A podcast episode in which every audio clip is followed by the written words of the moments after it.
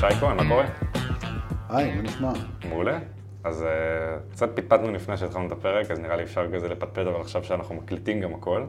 אז אה, לפני שנתחיל לדבר קצת על מה אתה עושה בחיים, אני אשמח לשמוע מי זה שי בדקה-שתיים. היי. אה, אוקיי, אז שמי שי כהן, אני בעל שני תארים בהנדסת מכונות מהטכניון, מתמחה בתחום האנרגיה, פועל בערך כ-20 שנה בתחום האנרגיה. בחיי היום-יום אני מתחיל את הבוקר שלי ב... בריצת עשרה קילומטר בחמש בבוקר בפארק בהרצליה, ומשם אה, נוסע למשרד, אה, מארגן את הילדים לבית ספר, ומשם נוסע למשרד, אה, למשרדים שלנו ברחובות, ששם אנחנו בעצם מנהלים את כל הפעילות של הסטארט-אפ שהקמנו. יש לי משיכה עזה לתחום האנרגיה, הרבה מאוד שנים. אה, בעצם pre-action אנרגיה, אה, התחלנו עוד לפני התאים הפוטו-וולטאיים באנרגיה טרמוסולרית, שהיא בעצם לוקחת קרני שמש, באמצעות חום מייצרים חשמל. אפשר להגיד זה לוח סולארי, לא? לאחר מכן, הלוח הסולארי דווקא אה, הפעיל על הטכנולוגיה הזו, אז אנחנו בעצם עברנו לדבר הבא, שהוא מוצר משלים לייצור של תאים פוטו-וולטאיים, שזה אגירת אנרגיה. זה סוללות, בעצם אוויר, שמשמשות, אה, אה, שמתחברות לשדה פוטו-וולטאי ומאפשרות אספקת חשמל יציבה אה, גם כשהענן נכנס או כשאין מספיק שמש. זה מוצר משלים שהוא מתבקש. אז רק לפני שאתה ממשיך, ואני רק רוצה באמת שיהיה קונטקסט לכל מי שמאזין, יהיה פה הרבה מאוד מונחים מקצועיים, אז נראה לי מדי פעם אנחנו כזה נעצור ושנייה נסביר מה זה אומר כל דבר, כן. כי גם אני התבלבלתי ואני לא מגיע מהתחום. כן. אבל לפני שאנחנו נכנסים טיפה יותר לעומק של החברה, אני אשמח טיפה לדבר על איך הגעת בכלל לתחום של האנרגיה, איפה זה פגש אותך פעם ראשונה. כן.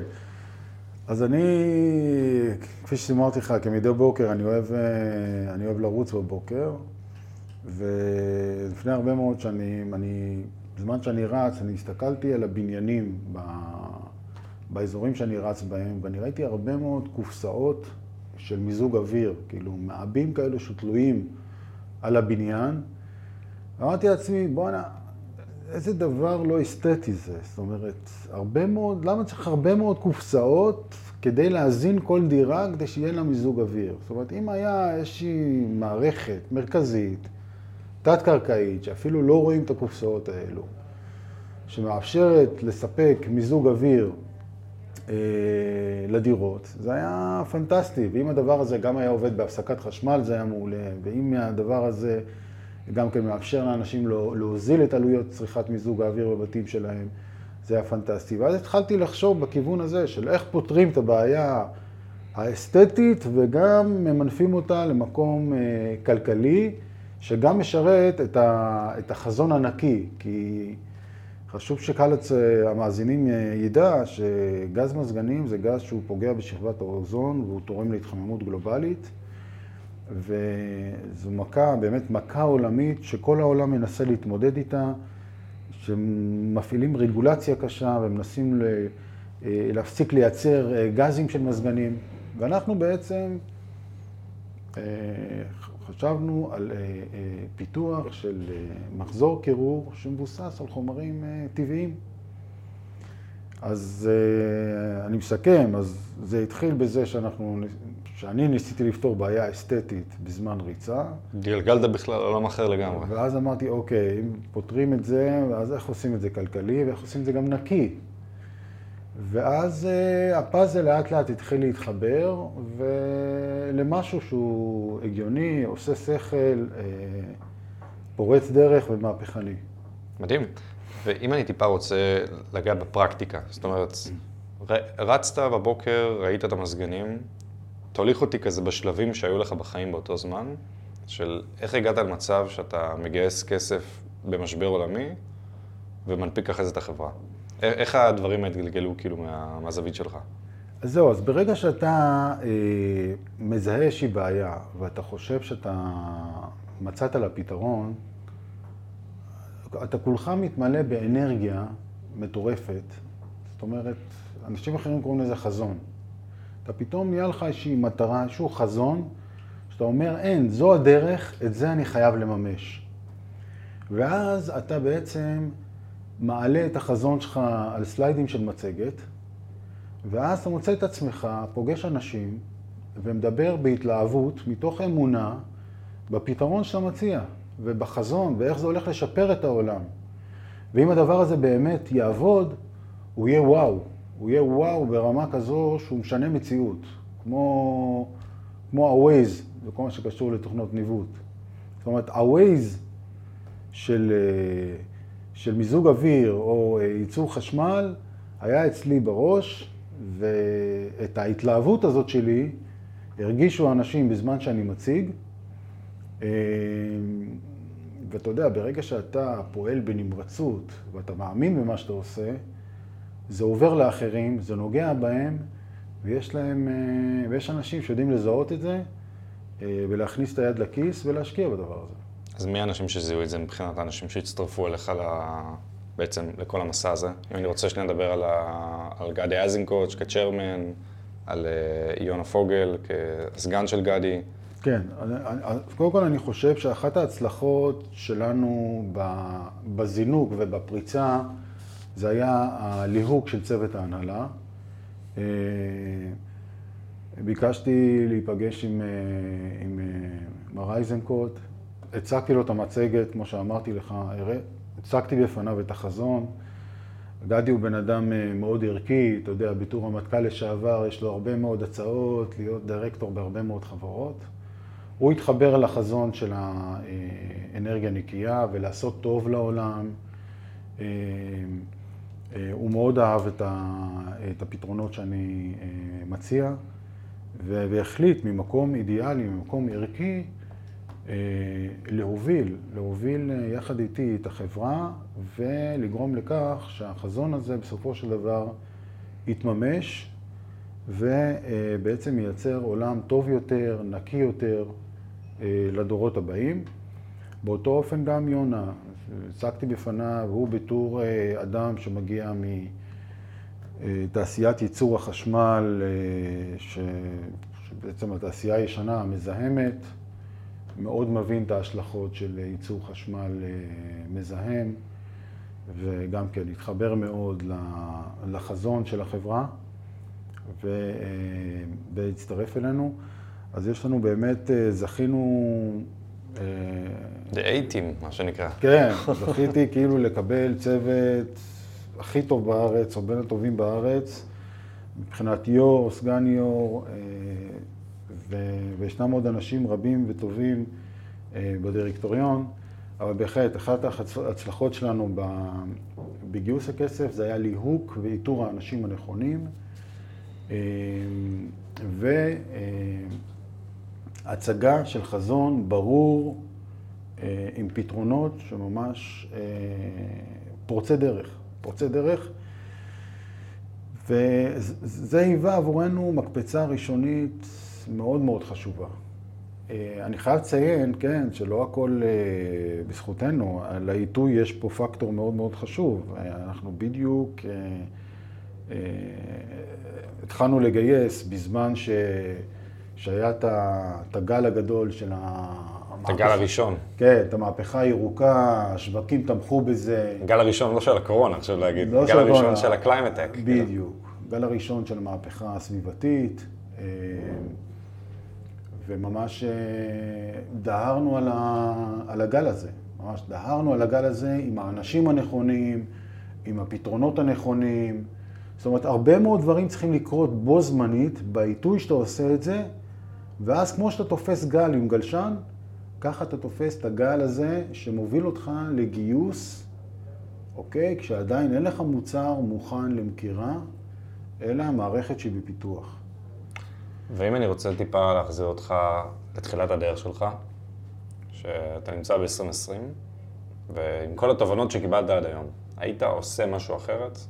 היית עכשיו מייעץ לעצמך היית מגייס פחות, היית מגייס יותר, היית מביא עוד איזה שחקן חיזוק לצוות, או שהיית נשאר בדיוק באותו מסע? אמ, אני חושב שהייתי עושה בדיוק אותו דבר. בדיוק אותו דבר. אה, כל הצעדים שעשינו באותה נקודת זמן היו פשוט נכונים, בדיוק בעיתוי המתאים. אה, האופציה האחרת הייתה לעשות גיוס באופן פרטי ולא ציבורי, שפה המשימה היא הרבה הרבה יותר אה, קשה לדעתי. זאת אומרת, בעולם הפרטי, כשאתה מכניס משקיע ראשון, הוא קודם כל... חלק מהחברה. הוא חלק משמעותי מהחברה, אוקיי? ואתה כבר ב step 1, אתה מתחיל ב downside מאוד רציני. אתה, אתה בעצם מתחיל בנקודה שמגבילה אותך כבר, כבר בצעד הראשון. ולכן ההמלצה שלי, אם מגייסים את הכסף הראשוני ועדיין שולטים בחברה, זה מצב טוב, וזה יתאפשר לנו אה, באמצעות הגיוס הציבורי. כשאנחנו אומרים גיוס ציבורי זה הנפקה של החברה רק. כן. אוקיי. כן, שבה עדיין אתה מכניס אה, גיוס משמעותי, אבל אתה עדיין אה, מנווט את החברה, כמובן לא בצורה אה, מלאה, אבל לפחות יש לך שליטה על המהלכים. אז חשוב מאוד שליזם תהיה בעצם את היכולת אה, להשפיע על מהלכי החברה לאחר הגיוס. כי אחרת החברה לא, לא, צועדת, לא צועדת בעקבות החזון הראשוני שהתחילה, וזה מקור להרבה מאוד חיכוכים. לכן אני מציע ליזמים צעירים, אה, כשמגייסים את הכסף הראשוני, עדיין להיות עם הידיים על ההגה. עכשיו בוא נדבר קצת על שוק החשמל בעולם. נצא שנייה זום אאוט ברמה עולמית, ואז נתחיל לעשות כזה drill down לישראל. איך נראה שוק החשמל לפני, אפשר להגיד, 15 שנה, ואיך הוא נראה היום? זאת אומרת, מה היה השינוי הדרסטי עם השנים, במיוחד מן הסתם בשוק, ה, אפשר להגיד, החשמל הקלין, קלינטק? כן. שלאט לאט כאילו נהיה מגמה גם של המדינות, גם של האיחוד האירופאי, גם, גם במדינת ישראל, מן הסתם יש הרבה יותר עידוד אה, להתקנה של לוחות סולאריים, יש אה, בעצם כל מיני מענקים מהמדינה, אם אני לא טועה, כל מיני דברים כאלה, של באמת רוצים יותר לעבור לעולם הזה. איפה זה פוגש אתכם בכל הסיפור הזה? זהו, אז העלית נקודה מאוד מאוד חשובה. אה, שוק החשמל עובר מהפכה. זאת אומרת, אם לפני 15 שנים תיקח את כל העולם, וגם ישראל, מדינות היו מייצרות חשמל על ידי תחנות כוח אה, בודדות במדינה, דרך ארובות מעשנות. זאת אומרת, מזינים פחם, שורפים אותו, מחממים מים ומייצרים חשמל, או שורפים גז ומייצרים חשמל, והארובות היו אה, נקודתיות, זאת אומרת, היה ייצור מרכזי של חשמל שנשלט בידי כל מדינה. בשנים האחרונות התחום הזה עובר מהפכה, זאת אומרת מייצור מרכזי אנחנו עוברים לייצור מבוזר, זאת אומרת נכנסים הרבה מאוד יצרני חשמל קטנים, אם זה בצורה של טורבינות רוח, שדות פוטו-וולטאיים, ביוגז, כל מיני טכנולוגיות שמייצרות חשמל והרבה מאוד, הרבה מאוד יצרנים קטנים מתחילים אה, להיווצר בכל מדינה אה, בעולם. זאת אומרת, הייצור הופך להיות מכמה קטנים להרבה מאוד, אה, מכמה גדולים להרבה מאוד קטנים. ו... ואז עלה הרעיון שאוקיי, אנחנו רוצים קטנים כאלו שאין להם ערובות מעשנות, ואז הם בעצם לא יחממו לנו את כדור הארץ, והקרחונים לא יתחילו אה, אה, להתמוסס, כפי שרואים בקוטב הצפוני, שזו הייתה האינדיקציה הראשונה לאנושות שמשהו לא משהו טוב, קורה פה. משהו לא טוב קורה כאן. הכדור מתחמם, ובואו נעצור את זה בזמן, אנחנו לא מבינים עדיין מה הנזק שעומד להיגרם, ובואו לא נעבור את נקודת האל-חזור. ואז מהר מאוד מדינות בכל העולם נפגשו בגלזגו, וכל אחת מהמדינות בעולם הצהירה בעצם על אה, יעד פליטות של CO2, שזה מה שגורם להתחממות הגלומלית בין היתר, וכל מדינה הציבה יעד. לדוגמה, מדינת ישראל אמרה עד 2030, 30 אחוז מייצור החשמל שלנו יהיה ממקורות נקיים. על כמה הוא עומד היום, דרך אגב, כהערכה גסה? היום אני חושב... אה, בלי לציטוט, כן, זה לא לתפוס אותך על מספר עכשיו. אה, אזור ה... לקראת ה-20 פלוס מינוס, אוקיי, מצבנו טוב, אנחנו בדרך. כן, למרות שאני חושב שיש לנו עוד הרבה מקומות שאנחנו יכולים להשתפר במדינה, זה עדיין אה, לא מספיק. אבל הרבה מאוד מדינות הצהירו יעד של פליטות. אירופה אמרו עד שנת 2050 90 אחוז מייצור החשמל אה, יהיה נקי, ובירת האנרגיות הנקיות, שזה קליפורניה, הציגה על יעד אגרסיבי ביותר עד שנת 2045, 100 אחוז ייצור חשמל ממקורות אה, נקיים. מה המשמעות של זה, אבל אם שנייה גוזרים את זה לפרקטיקה? המשמעות של זה, זה שאם אתה שם איזשהו כזה רחפן בדיוני מעל מדינה, ואתה מודד את אה, כמות ה-CO2 שכל השטח שאותה מדינה פולטת, אז uh, אתה רואה שמעט מאוד CO2 נפלט. אם מעט מאוד CO2 נפלט, CO2 זה תוצר של תהליך בעירה. זה אגזוז מעשן, זה, זה בעצם uh, פליטה גם כן של, של uh, חומרים, חומרי בעירה. זאת אומרת, אם אתה מודד מעל המדינה כמות CO2 נמוכה ביותר, אז אותה מדינה בעצם לא מחממת יותר את הכדור.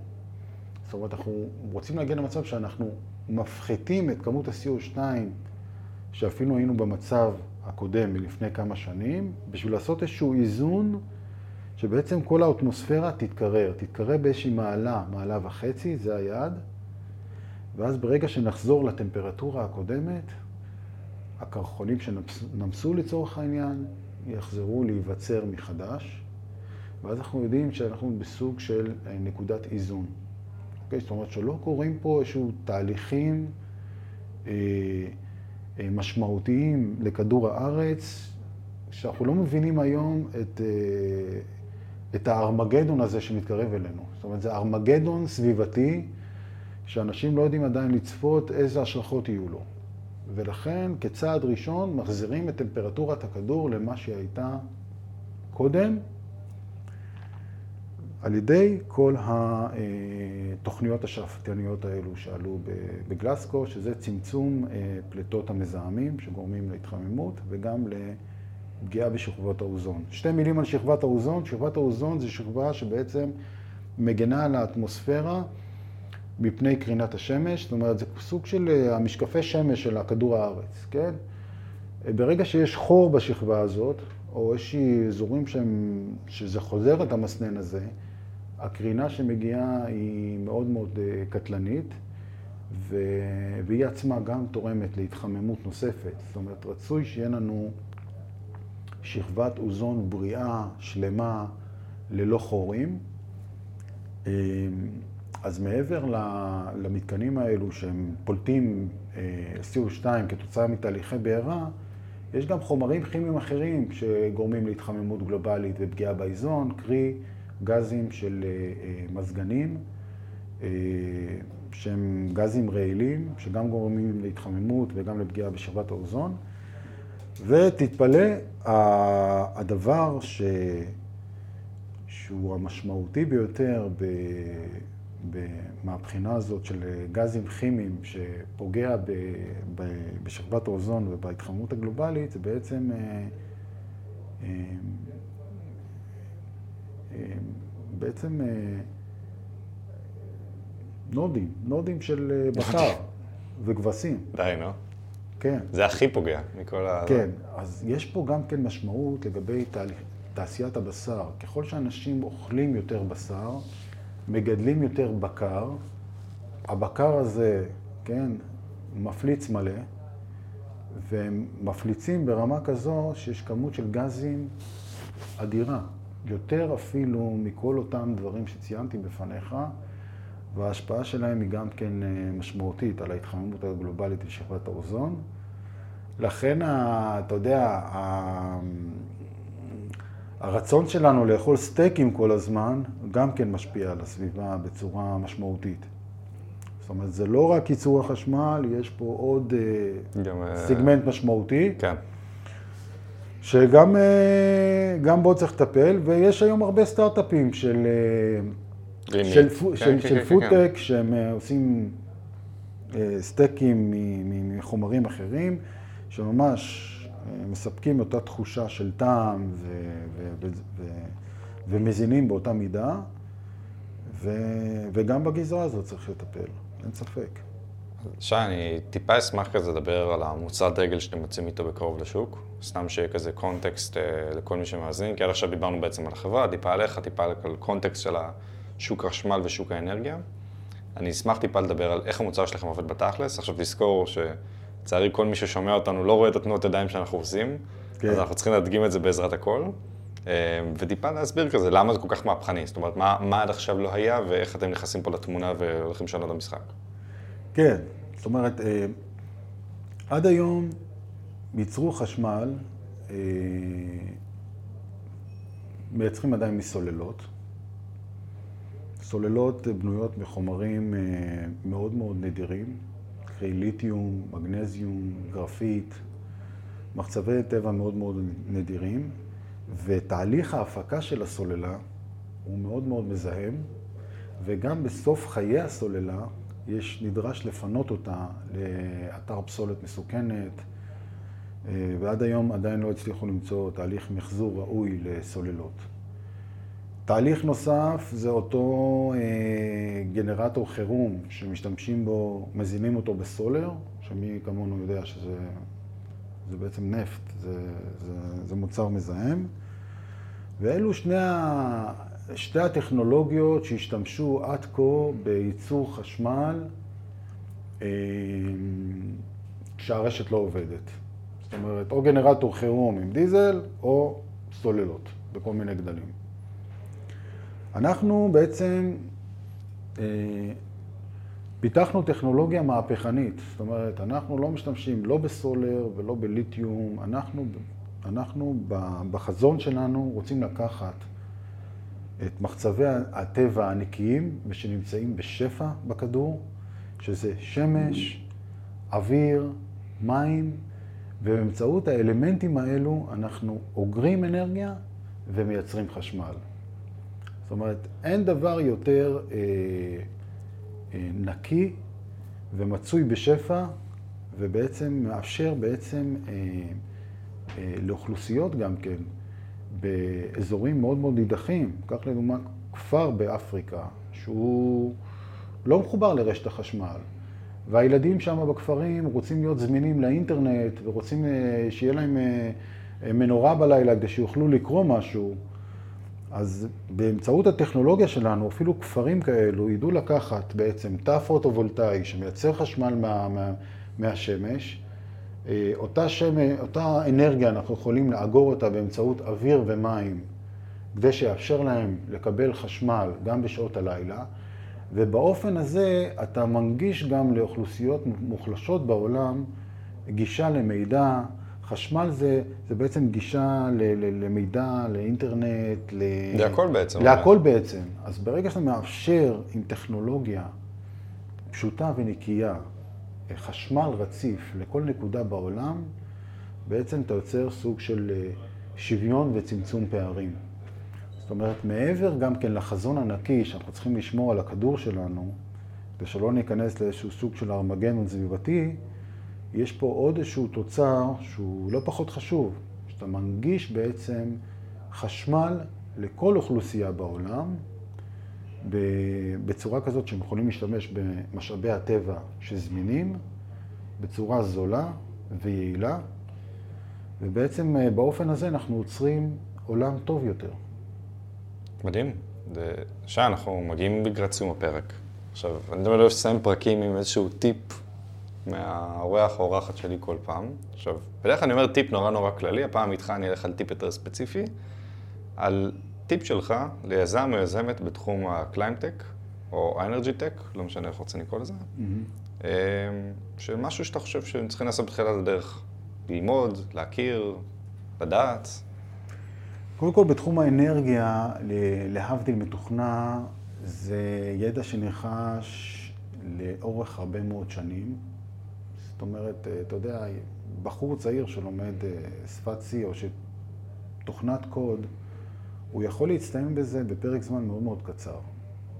אוקיי? התכנתים הכי מבריקים הם בשנות ה-20 שלהם.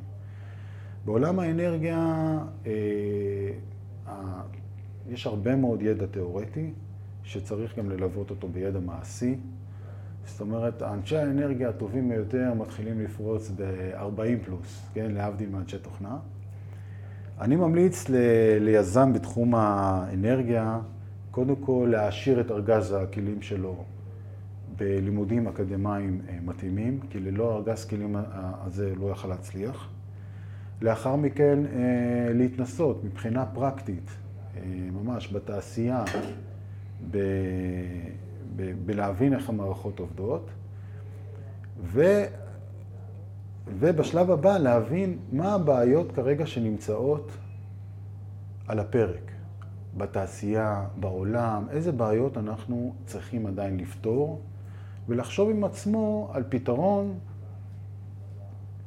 מחוץ לקופסה, שיכול לפתור את הבעיה הזו, לשבת עם עצמו הרבה מאוד שעות בלילה ולראות אם הדבר הזה הוא נכון, הוא חכם והוא ישים, ואם הגעת למסקנה הזו, תפעל בכל הכוח, חדור אמונה בפתרון שלך, ככל, שאתה, ככל שאתה, היזם, תאמין יותר במוצר שלך, ככה הסביבה אה, תספוג את זה, והדרך אה, לרתום אליך אנשים תהיה קלה יותר.